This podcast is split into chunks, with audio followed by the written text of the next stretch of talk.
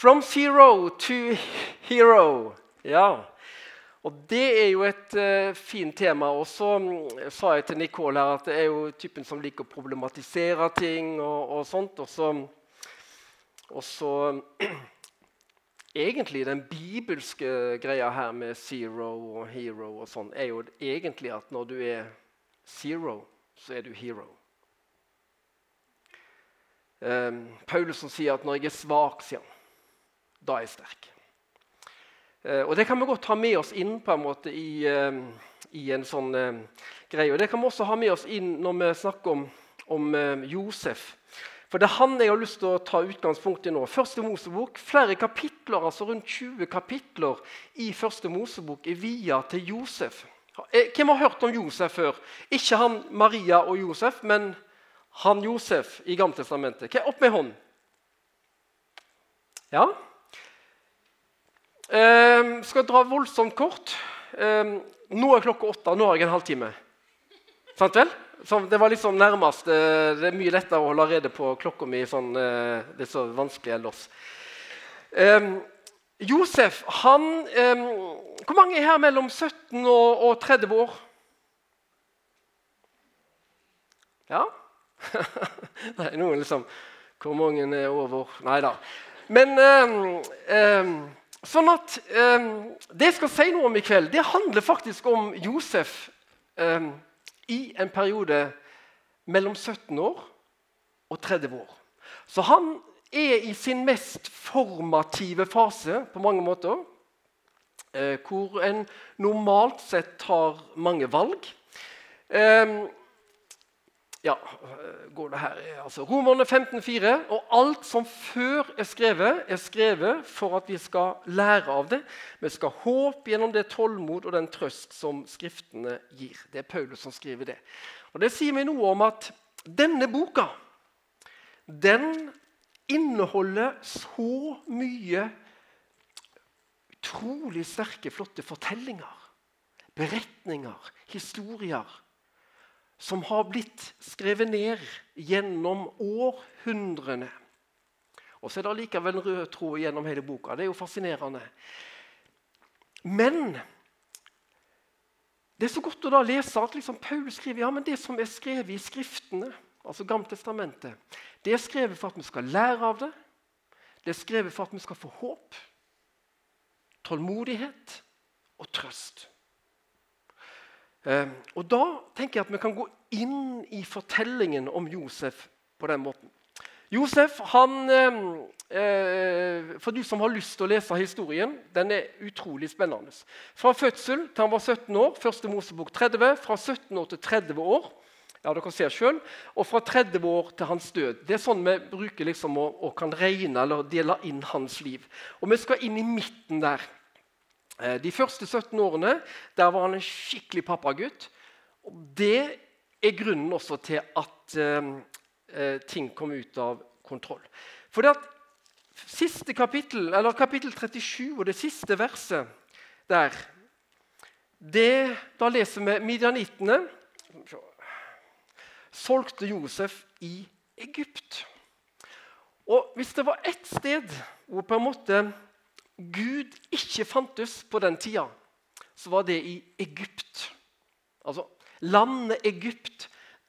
Der var virkelig ikke Gud. Og Da kan jeg stille spørsmål ja, men Kunne Gud tillate noe sånt? Kan, altså, kan Gud tillate at en 17-åring som ikke har gjort noe galt, blir på en måte tatt av sine Han var bare, han skulle ut på markene til brødrene sine og kom der med den flotte piknikbagen. 'Hei, gutter, jeg kommer med mat.' Og så setter han ned her. Og før han vet ordet av det, så har han blitt tatt tak i og strippa, kledd naken, kasta i en brønn for å dø. Så tar de klærne hans og så dreper de et dyr og så smører de noe blod på og så skal de gå hjem til pappaen og si oi, oi, oi, oi. Josef ble angrepet av en ulv. Uff, uff, uff, uff. Ja. Men så sitter de der og så tenker ja, skal vi drepe han da? Begynner de å få litt dårlig samvittighet. Og så er det en som kommer med en sånn knallgod idé. Nei, vi dreper han ikke, vi selger han. Ja, ok. Takk skal du ha, liksom. Um, Så selger de han, så kommer det noen sånne folk forbi, og så selger de han til en sånn eh, handelskaravane med masse kameler og sikkert dromedarer og, og, alt mulig sånn. Og så blir han på vei til Egypt. Så fra og i løpet av noen ganske kort tid så tenker ikke Josef lenger på tilbakeveien til pappa. Han tenker ikke lenger på hva han skal gjøre når han kommer tilbake til gården. Han tenker på hvor er jeg på vei nå. Um, jeg er blitt solgt. Jeg kommer til å, å bli solgt som slave. Såpass visste han. Jeg er på vei til en slavetilværelse nå. I løpet av noen timer så blir livet hans totalt snudd opp ned, og han er 17 år gammel. Og så kan en tenke Hvor er Gud i det, da? Altså, Hvor er Gud når du trenger han på en måte? Har Gud tatt hendene av rattet? Litt sånn Tesla-autopilot som ikke funker. Um, og Sånn kan livene våre være noen ganger også. Um, sikkert ikke bare jeg som har stilt det spørsmålet og hatt de kampene med Gud. Hvor er du nå, Gud? Hvorfor skjedde dette, Gud? Og Der var Josef også. Og Så leser vi da i kapittel 39. Josef ble ført ned til Potifar, en egypter som var hoffmann hos farao og sjef for livvakten som kjøpte ham. Og så kommer frasen som liksom ikke passer inn. Herren var med Josef. Jo, takk, altså. Nei, nei, nei. Hadde Gud vært med Josef, så hadde Josef ikke vært i Egypt. Fordi Gud er god, og hvis Gud er god, så må alt som skjer i mitt liv, være godt. Gud er god, så hvert eneste ting, steg framover som jeg tar, må føre til det gode. Um, hadde Gud vært god og rettferdig, så var det brødrene som var på vei til Egypt. Og Josef det var han som hadde solgt brødrene. holdt jeg på å si. Um, men nå var det stikk motsatt. En uskyldig blir solgt, og de skyldige går hjem til gården sin igjen. Og lever sitt liv etter beste evne, for de bærer på dette. her. Og Det er så mye å si i historien om Josef. Liksom. Eh, om, om, å være forelder, om å være søsken, om sjalusi. og Det er så mye spennende, så dere må lese hele storyen. Og så må dere liksom bare prøve å leve dere inn i det, for den er så, så spennende. Men i alle fall så ser vi her at her skjer det gode ting med de onde og onde ting med den gode. og Sånn skal det jo ikke være. Og Det som skjer med Josef, det er allerede på et tidlig tidspunkt så rystes på en måte vår teologi og vår forståelse av livet, av Gud. Og at hvis jeg tror på Jesus, så vil allting bli bra. Hvis jeg tror på Gud, så vil allting bli bra, og det vil gå bra. Um, og sånn sett så skulle den da når brødrene ville komme og ta Josef, liksom, og ta man, så skulle det egentlig komme til stemme fra himmelen som sa opp, opp, opp, opp, gutter! Ikke legg hendene på Josef! Stopp! Jeg ser hva dere har i tankene. Ja, ok, ok, ok. ok. Fint det, fint det, Josef. Takk for maten, Josef. Nå kan du gå hjem. Men det skjer ikke. Det skjer. Josef blir solgt. Herren så Herren hans, altså Potifar, så at Herren var med ham og lot ham lykkes i alt han gjorde. Josef vant velvilje hos herren sin og ble hans tjener. Potifar satte ham til å styre sitt hus og lot ham ta hånd om alt han eide. Her er Josef i sitt livskrise. Og hva er det som skjer? Jo, Han gjør faktisk jobben sin på en så god måte at Potifar legger merke til det. Og Nå skal vi ikke eh, tulle med Potifar fordi han heter Potifar, for det er et merkelig navn. Ehm, men han hadde hatt slaver før, og han visste på en måte hva som, hva som funka, og hva som ikke funka. Ehm, og så ser han at her er det en som er annerledes. Og Da er det ganske sterkt å lese, for her er Josef i en situasjon som han sjøl ikke har bedt om å få komme i. Det har aldri vært ønskelig å være der. Han er der mot sin vilje. Det er omstendighetene som på en måte har brakt han der. Ting som ligger utafor hans kontroll. Så velger han midt oppi det å være en trofast arbeider som gjør jobben på en så god måte at Potifar ser at denne gutten han kan gi mer ansvar. Han får ansvar for markene mine, og han får ansvar for heimen min. Så vi møter på en måte en, Josef som jeg vil leve for Gud, selv om omstendighetene sier noe helt annet. Selv om omstendighetene mine sier at jeg egentlig burde fornekte Gud,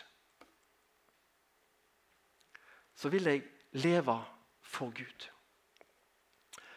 Og Fra den tid så satt egypteren eh, og han satt han over sitt hus og alt han eide, velsignet Herrens hans hus på grunn av Josef. Herrens velsignelse hvilte over alt han eide, både i huset og på marken. Det er jo et interessant vers, for Den skulle tro at Gud kanskje kunne velsigne Josef litt også.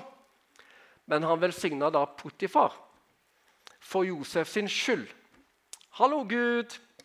Kanskje du kan velsigne meg litt også? Bare bitte, bitte, bitte, bitte, bitte litt velsignelse. Det er kjempefint at Potifar alt går så bra, men bitte litt velsignelse til meg også.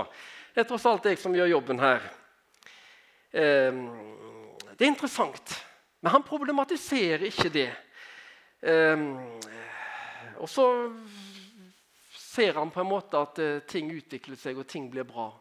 Og så tenker jeg Oi, det er ikke alltid så enkelt å tenke når en sjøl er i en kritisk, vanskelig situasjon. Eh, det å være til velsignelse for andre, det å liksom løfte blikket, det å, å bety noe for andre når en sjøl har, har, det veldig, veldig tungt. Og så tenker jeg, Kan du også tro at, at Gud kan bruke deg når omstendighetene du er i, ikke er ditt første valg? Og det er kanskje, det, kanskje du til og med der at troa di liksom er satt på prøve. Du kjenner at dette her griper så inn i livet mitt, det jeg står i nå, at dette gjør noe med troa mi. Uh, ja. Jeg har vært der. Uh, der kommer vi. Og det er ikke noe krise. Men kan en allikevel da tenke at Gud kan bruke meg der jeg er, selv om ikke det var førstevalget mitt. Eh, det var ikke det studiet jeg eh, ville hatt, eller det var ikke der jeg ville vært med livet mitt akkurat nå. Men det er noen gang der jeg er, da. Det er de rammene jeg har for livet mitt akkurat her og nå. Sånn, Egentlig skulle jeg ønske at det var sånn her borte, men det er her. Um, la meg bare få lov til å være trofast innenfor de rammene som jeg har her. da. Det er det som er livet mitt nå. Og så lar Josef, nei, Potifar Josef få ansvar for alt han eier. Og Da er det jo interessant, da, for han var både velvoksen og vakker. Han var jo 17-18 år nå. Og eh, Ja, hva står det her, da? En tid etter hendte det at Herrens kone kastet sine øyne på ham. 'Ligg med meg', sa hun. Men han ville ikke og sa til henne, 'Se, min herre trenger ikke å bekymre seg for noe i huset.' 'Han har latt meg ta hånd om alt. Han er ikke større i dette huset enn jeg.' Det var litt sånn ja, sterk påstand, egentlig. Han har ikke nektet meg noe unntatt deg, for du er hans kone. Så han måtte liksom minne henne på da, at du er kona hans. Hvordan skulle jeg kunne gjøre noe så ondt og synde mot Gud? Så her er jo Josef i en forferdelig, grusomt vanskelig situasjon. Og Det som er interessant her, det er at Josef han hadde ikke noen bøker om Gud. De ti bud var ikke realiteten enda. Eh, Moseloven eh, den var der ikke. Han hadde vokst opp med en del historier om Gud og Guds tro. Ingen tvil om det. Men det var liksom ingen kirke. Det var ikke en bibel. Og Han hadde ikke vært på seminar liksom, på, på Touchpoint eller Power Station om sex og samliv. og og, og, og, alle de tingene der. Så han blir på en måte utsatt for sånn skikkelig liksom, eh, Når uh, hun der kona liksom kommer og sier 'Kom og ligg med meg'. Ja, Hva gjør du da, da når du er 18 år? Og Det er liksom, det er jo bare tap-tap. altså Samme hva jeg gjør her, så blir det galt. Så han sier nei. Eh, og så står det at hun prøvde gang, flere ganger, altså dag etter dag så prøvde hun. Og så sier han, 'Hvordan skulle jeg da kunne synde mot Gud?' sier han. Og da er ikke Han han sier ikke, ja, men 'tenk om Potifar oppdager oss', liksom. Da blir han skikkelig sint. Det, det, er jo ikke hans verden. Han sier hvordan skulle de kunne gjøre noe ondt og synde mot Gud? En Gud som man på en måte hadde opplevd liksom, kanskje ikke hadde gjort alt det beste han kunne for han så langt. da. Allikevel så har han denne her ja, men 'Jeg vil leve for Gud'. Jeg vil leve for Gud. Eh, det er ikke noe alternativ. Jeg vil leve for Gud. Eh, og så leser vi litt videre. Eh, jeg har ikke det på veggen her, men en helt vanlig dag. Han skal inn og gjøre noe i huset. Uh, kona til Potifar er der. Og så tar hun tak i ham. Og så sier hun med sin mest sensuelle stemme sikkert 'Kom, ligg med meg'. Liksom. Og da vrir han seg ut av grepet, og så flykter han unna. Og Det er det eneste rette å gjøre. sant vel? Når mennesker ikke respekterer grenser, når mennesker ikke tar et nei for et nei, og presser på og presser på Det eneste en da kan gjøre, det er å flykte og komme seg unna. Det er det eneste riktige som Josef gjør der når han er utsatt for et menneske med makt hun var over han. Han var en slave, fortsatt en slave. Hun var kona liksom, til sjefen hans. Um, Kom deg vekk. Og det gjorde han. Og så står hun litt for smådd tilbake. Og hva skal hun si? Jo, da selvfølgelig, Hun kan ikke si at 'jeg la an på han, men han ville ikke. Det er jo kjempeflaut. Men jeg kan jo si at han prøvde å voldta meg. Det kan jeg si. Og Så får Potifar høre dette her, og så leser vi i vers 20. Um, um, han tok, Josefs herre ble brennende harm da han hørte hva hans kone fortalte. 'Dette har slaven din gjort mot meg', sa hun. Han tok Josef og satte ham i fengselet, der kongens fange, fanger satt lenket. Han ble sittende der i fengselet. Og så er det da liksom nok en gang liksom Men Herren var med Josef. Det er jo nesten plagsomt. Nesten på grensa til det plagsomme. Ja, enda en som Men Herren var med Josef, ja. Mm. Altså Først til Egypt, så på slavemarkedet. Så bli plukka ut av Potifar og undersøkt tenner og hele greia. Og styrke. Og så i fengselet. Og så Ja, men Herren var med ham. Og det er noe Josef kanskje Jeg vet ikke, men jeg hadde vært frista til å si til Gud at Gud, kan ikke du slutte å være med meg? Bare slutt å være med meg. Finn noen andre du kan være med. Uh, uh, siden du har vært med meg, så har jeg blitt, uh, blitt, blitt forsøkt drept. Så ble jeg solgt, og så, nå sitter jeg i fengsel. Kanskje du finner noen andre å være med de. Brødrene mine, eksempel. Kanskje du bare være veldig med brødrene mine. Det vil passe meg utrolig fint. Gå og vær med brødrene mine, og så kan jeg bare få lov til å være i fred for deg, Gud. Ja, liksom, jeg tror nå er det nok. Eh, og så Kanskje han tenkte også at jeg vil egentlig ikke at Gud skal være med meg i fengsel, for jeg har ikke lyst til å være i dette fengselet. Jeg syns ikke det er noe stas å sitte i fengselet her. Eh, kanskje heller til og med vil være uten det, Gud, enn, enn å være i fengsel. Og så fortsetter litt av dette her da, og viste ham vennlighet. Ja og laget det så at han ble godt likt, og at den øverste fangevokteren fikk godvilje for ham. Det må jo være drømmen for oss alle å få en fangevokter som, får, som vi får en god relasjon til. tenker jeg. Åssen eh, relasjon har du til fangevokteren din? Kjempefint. Best friends. Ja, Da er det perfekt, da, bortsett fra at det er fengsel. ja. Bortsett fra at jeg har sittet i et mørkt fangehull. Ja, fint. Men relasjonen til fangevokteren din er bra. Ja, veldig bra. Ti av ti. Så bra. Om Gud virkelig var med Josef, så hadde han ikke trengt å ha et godt forhold til sin fangevokter. Men hva gjør Josef da når han sitter i fengselet? Istedenfor å bli bitter, som jeg hadde blitt eh, etter første runde, andre runde kanskje. Men etter tiende runde så er ikke Josef der, på en måte. Josef har fortsatt denne her eh, Men Gud er med meg. Gud er med meg. Det var hans overbevisning. Midt i alt gørra og elendigheten. Midt i uskyldige, de uskyldige anklagene. Midt i alt dette her. Gud er med meg. Og det må vi være klar over Når dette er skrevet ned, så er dette blitt skrevet ned, og det har vært muntlig. Det er ikke utenkelig at Josef har fortalt om dette. Det kan godt hende at Josef sitter og forteller til folka rundt bålet og sier, men vet dere hva jeg opplevde? Gud var med meg. Ja, men Josef, hvordan kan du si noe sånn, da? Det var jo et helvete, det du opplevde! Ja. Men jeg erfarte at Gud var med meg. Det står på en måte litt fast. Det var ikke lett. Det var kjempekrevende. Men jeg opplever likevel at Gud var med meg.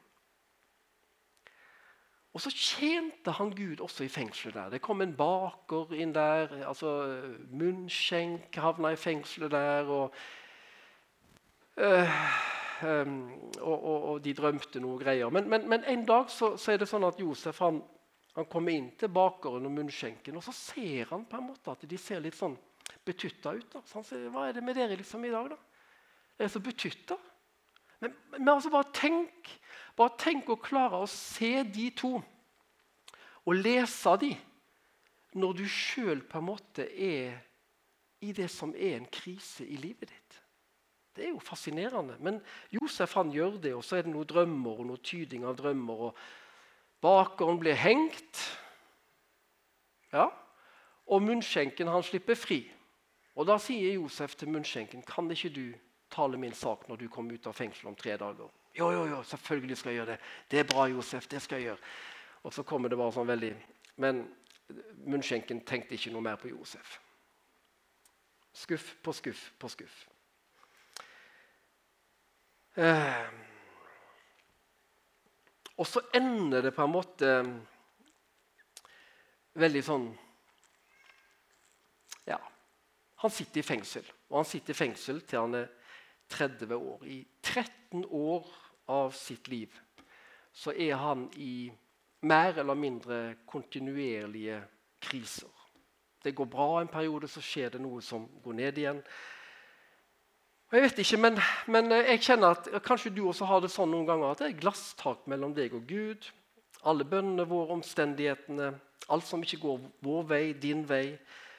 Og så kanskje vi sier at nå er det helt på grensa Gud av hva jeg kan tåle. Jeg er i ferd med å miste håpet. Hva skal jeg gjøre? Hvordan kommer jeg meg gjennom dette? Og så tenker jeg at Josef lærer meg noe. Han lærer meg at jeg hver dag så har jeg valget mellom å tolke Gud ut av omstendighetene mine, eller å tolke Han inn i omstendighetene mine og stole på Guds løfter om at han er med. Det er også et valg jeg tar. Jeg kan tolke Gud ut på en rasjonell måte. Men jeg har også muligheten til å tolke Gud inn i min, mitt liv og min, min situasjon. For å ta Josef.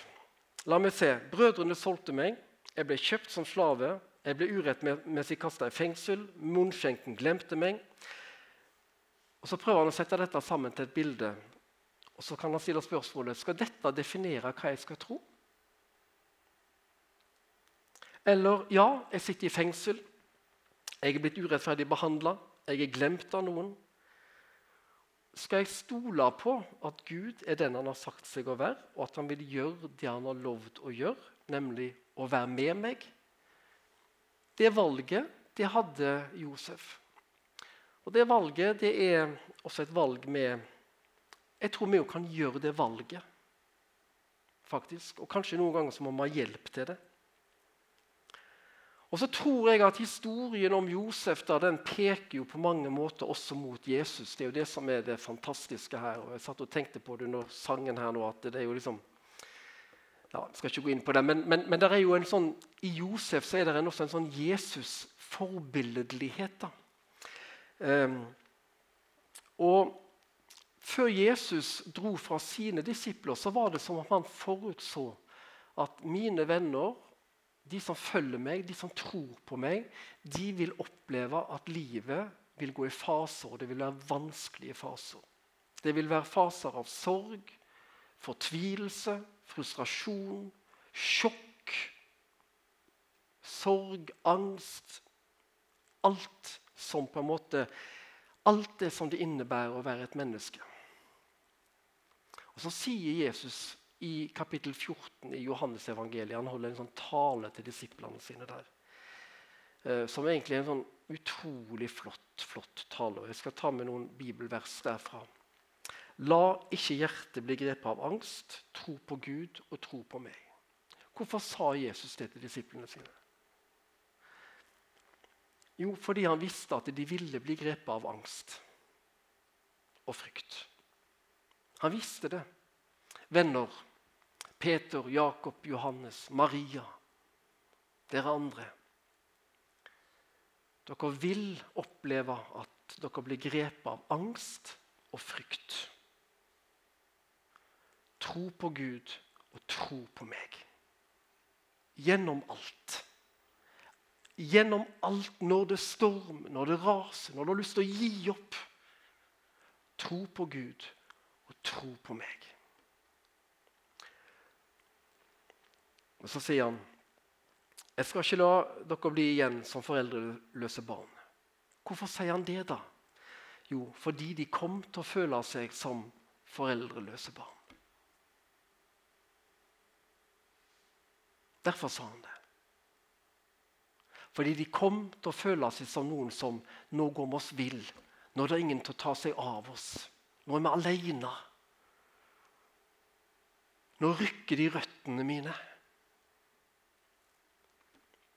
Jeg skal ikke la dere bli igjen som foreldreløse barn. Og det siste fred etterlater jeg dere. Min fred, ikke den fred som verden gir. La ikke hjertet bli grepet av angst og motløshet. Hvorfor sa han det? Jo, for han visste at de kom til å bli grepet av angst og motløshet. Og han visste at det er min fred dere trenger. Det er min fred dere trenger. Så Jesus ønsker på en måte, han forbereder disiplene sine på livet. Altså øh, virkeligheten real life, sånn som det er for oss alle sammen. I en verden som noen ganger føles som om den går av hengslene. I en verden hvor der er død og elendighet og urettferdighet og sorg og smerte og angst og alt som på en måte kan ramme mennesket, det lever vi med. Og da er det ikke sånn, og dette er viktig Gud er ikke lyset i enden av tunnelen. Gud er i tunnelen. Gud er ikke lyset i enden av den tunnelen vi er i. Han er i tunnelen. Det er ikke omstendighetene som definerer om Gud er med deg eller ikke. Det er Guds løfter som definerer om Gud er med deg eller ikke. Og Guds løfte sier at 'jeg er med deg'. I Jesaja så står det noe om at når du går gjennom elver med Jeg husker ikke engang ordlyden her nå, jeg leste det forrige dag. Men altså når du går gjennom ulike altså det er elver med eh, rennende kan, To år etter Josefene eh, Egypt han blir viktig for Israel. Historie å lese den. I dag går meg på hjertet til dere i dag. Så det var det jeg hadde på hjertet til dere i dag. Dere som er mellom 17 og 30 år. Og dere andre også. Dere fire andre, inkludert meg. Eh, ta det som en hilsen fra Gud om at når livet er uforutsigbart og vanskelig og krevende, så har Gud sagt at 'jeg er der'. Når Gud, liksom du føler at du har fått noen rammer, ja, men så er det de rammene du har nå. Lev og tjen Gud innenfor de rammene. Så får du se hva framtida bringer. Der er et sånn, jeg tror det er et sånn godt åndelig prinsipp i det. Gud er med deg akkurat der du er nå, og han går denne veien sammen med deg. Skal vi be. Jesus Kristus, eh, takk for historien om Josef. Takk for at den historien den peker også på deg. Du som gjennomgikk så mye smerte og lidelse for vår del. Du som sto opp igjen, og som har sagt at du er nær oss alle våre dager. Takk for det, Herre. Og Nå ser du den enkelte og den situasjonen som den enkelte måtte være i. Kjære far, er det fred som trengs, så ber jeg om at du kommer med fred. Er det visdom og klokskap, så kommer det. Herre, er det hva det måtte være, Gud. La, la oss få lov til å kjenne, Herre, at vi er i dine hender. Amen. Og så er det sånn at eh, Det er muligheter for forbønn. Det er et kapell her nede på venstre side. der. Um, og Jeg vil oppmuntre deg når vi er samla som uh, Guds folk. Jesus sier at der hvor to eller tre er samla i mitt navn, der er midt iblant dem. Og så står det noe i Bibelen om nådegaver og tjenester. Og så vil det være noen mennesker som sier at ja, men i kveld er min tjeneste å være en tjener for de andre gjennom å be for dem. Så benytter jeg av det. Benytter jeg av dette her som det fantastiske bildet med kroppen, menigheten som kroppen, med ulike lemmer. Og Så står det at om ett lem lider, så lider de andre også. Det er jo så utrolig nydelig å lese. Og Det er jo på en måte menighet og trosfellesskap på sitt beste. Så jeg tenker at Hvis du bare kjenner at i kveld så hadde det godt om noen hadde tid til å lytte til meg, prate med meg, legge hånd på skuldra mi, be en bønn for meg. Jeg trenger bare kanskje å lette hjertet mitt. Benytt deg av det. Eh, gjør det. Eh, få noen som kan be for deg. Det er en sånn styrke i det. Det er styrke i hverdagen og det er styrke i troslivet ditt. Sånn. Og Gud velsigne deg.